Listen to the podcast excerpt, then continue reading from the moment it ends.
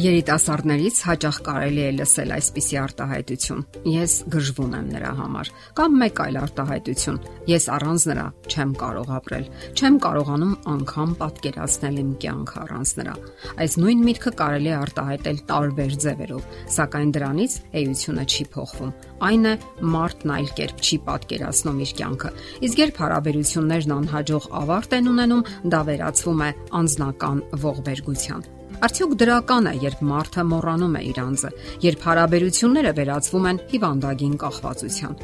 Իհարկե կարող են տարբեր կարծիքներ հնչել, սակայն པարզ է մի բան. հարաբերությունները պետք է կառուցված լինեն հավասարազոր, կշռադատված եւ ոչ միայն հուզական հրաբուխների վրա։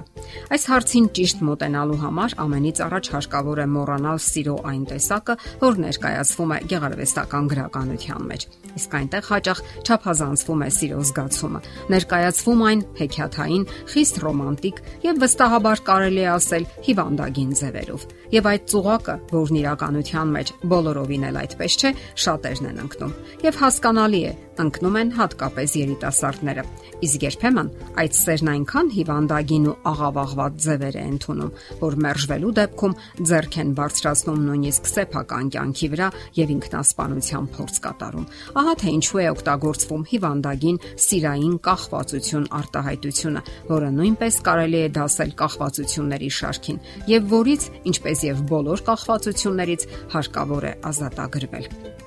Այս դեպքում, ինչպես եւ ցանկացած կախվածության դեպքում, մարդը մղվում է դեպի իր կախվածության առարկան եւ մոռանում է նույնիսկ իր մասին։ Սիրային կախվածության մեջ գտնվող մարդը մոռանում է ուտել, վատ է քնում, անտեսում է իրեն եւ ընդհանրապես չի հոգում իր առողջության մասին։ Անտեսելով իրեն, նա ողջ կենսական էներգիան ու երանդը ուղղում է դեպի սիրո առարկան։ Ասենք, որ դրանով նա հարկադրում է տարապել նաեւ դիմացինին իր ողջ ուշադրությունը, մտքերն ու զգացմունքները կենտրոնանում են միայն ու միայն նրա վրա, եւ մնացած ամեն ինչը տխուր ու ձանձրալի է թվում։ Տվյալ հարցի մասնագետներից մեկը, որը մեր թեմայի վերաբերյալ գրքերի հեղինակ է, գրում է.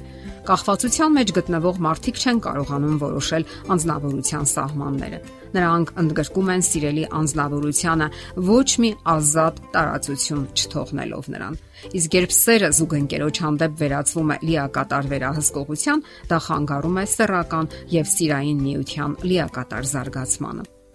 Հանդիպում է նաև սիրային կախվածության հակառակ պատկերը Այս դեպքում այսպես կոչված սիրահարը կամ խանդոտ ամուսինը ընդհանրապես փորձում է սեփականաշնորել դիմացինին, վերահսկում է նրա ողջ կյանքը, սկսած հանդիպումներից մինչև գաղափարներն ու ճաշակը։ Հսկում է եւ որոշում, թե ում հետ է հանդիպելու նա, ինչու համար, սկսած հարազատներից մինչև հարևանա ընկերական կապերն ու հարաբերությունները։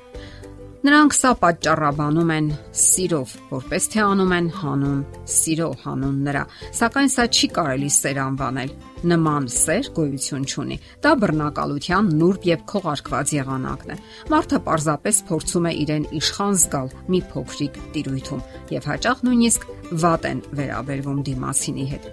Մասնագետները նշում են, որ այս վտանգին ենթակա են բոլորը՝ թե կանայք, թե տղամարդիկ, հարուստներն ու աղքատները, երիտասարդներն ու տարեցները։ Այսինքն, այս դեպքում գոյություն չունի ազատություն, ինչը անհատի լիարժեք զարգացման եւ սիրո ամենակարևոր պայմանն պայմանն է։ Սերն առանց ազատության հնարավոր չէ պատկերացնել։ Հիվանդագին կախվածության մեկ այլ տեսակի դեպքում բուրըն հույզերն ու զգացմունքները դառնում են մարդու կյանքի գոյության իմաստն ու նպատակը, եւ նրանք համառորեն որոնում են այն, խորանում են դրա մեջ Այդ ձևով նրանք փորձում են կտրվել առօրյա կյանքից, որովհետև գոյության առօրյական դրսևորման այլ ձևեր չեն տեսնում։ Սակայն նկատենք նաև, որ կախվածության այս տեսակը լուրջ վտանգ է պարունակում իր մեջ։ Հնարավոր են խոր հիասթափության դեպքեր, երբ զգացմունքները ժամանակի ընթացքում սկսում են մարել Մարդը որոնում է ու որոնում, եւ երբ չի գտնում, ընկնում է հիասթափության ու հուսահատության գիրկը։ Մարդուն թվում է,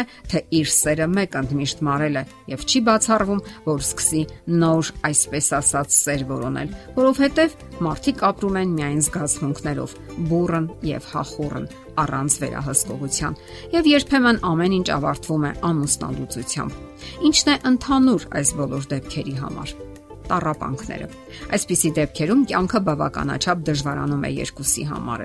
Հարաբերությունները կարող են լինել լարված։ Նա ով գտնվում է վերահսկողության տակ, չի կարող ազատ լինել։ Չի կարող լավագույն ձևով իրականացնել իր նպատակներն ու ցանկությունները։ Չի կարող լիակատար դրսևորել իրեն հասարակության մեջ, որովհետև ոչ քիչ դեպքերում նրանց արգելված է նաև աշխատել։ Նրանց ողջ առաքելությունը պարփակված է տնային հոգսերի ու պարտականությունների մեջ։ Իսկ կախվածությունից խուսափելու համար կան մի քանի գործնական խորհուրդներ։ Պետք չէ իդեալականացնել տղամարդկանց։ Հիշեք, որ նա էլ հասարակ մարդ է, ինչպես բոլորը կարող է չսափրվել, կարող է հայհոյել։ Միշտ մտածեք, որ նա միակը չէ այս աշխարհում եւ երբեք մի զրկեք ձեզ այն մտքից, որ ձեր կյանքն առանց նրա ավարտված է կամ հնարավոր չէ։ Զբաղվեք ձեզնով, զարգացեք անընդհատ թե ֆիզիկապես, թե հոգեպես։ Ազատ ժամանակ չունենալը ձեզ կազատի կախվածություն առաջացնող մտքերից։ Եվ իհարկե, կախվածությունից դուրս գալու իդեալական տարբերակը նոր զուգընկեր գտնելն է, այն պայմանով, որ նախորդ սխալները նրա հետ հարաբերություններում չեք կրկնի։ Ուրեմն, սիրո նպատակը կախվածությունը չէ։ Սերը երկկողմանի հրաշալի հարաբերություն է, որը նպաստում է փոխադարձ լիակատար ըմբռնողությանն ու զարգացմանը եւ նպաստում է երջանկություն ձեռք բերելուն։ Եվ նա տալիս է իր հասուն պտուղները ազատության մեջ։ Եթերում է ճանապարհ երկուսով հաղորդաշարը։ Ձեզ հետ է Գեղեցիկ Մարտիրոսյանը։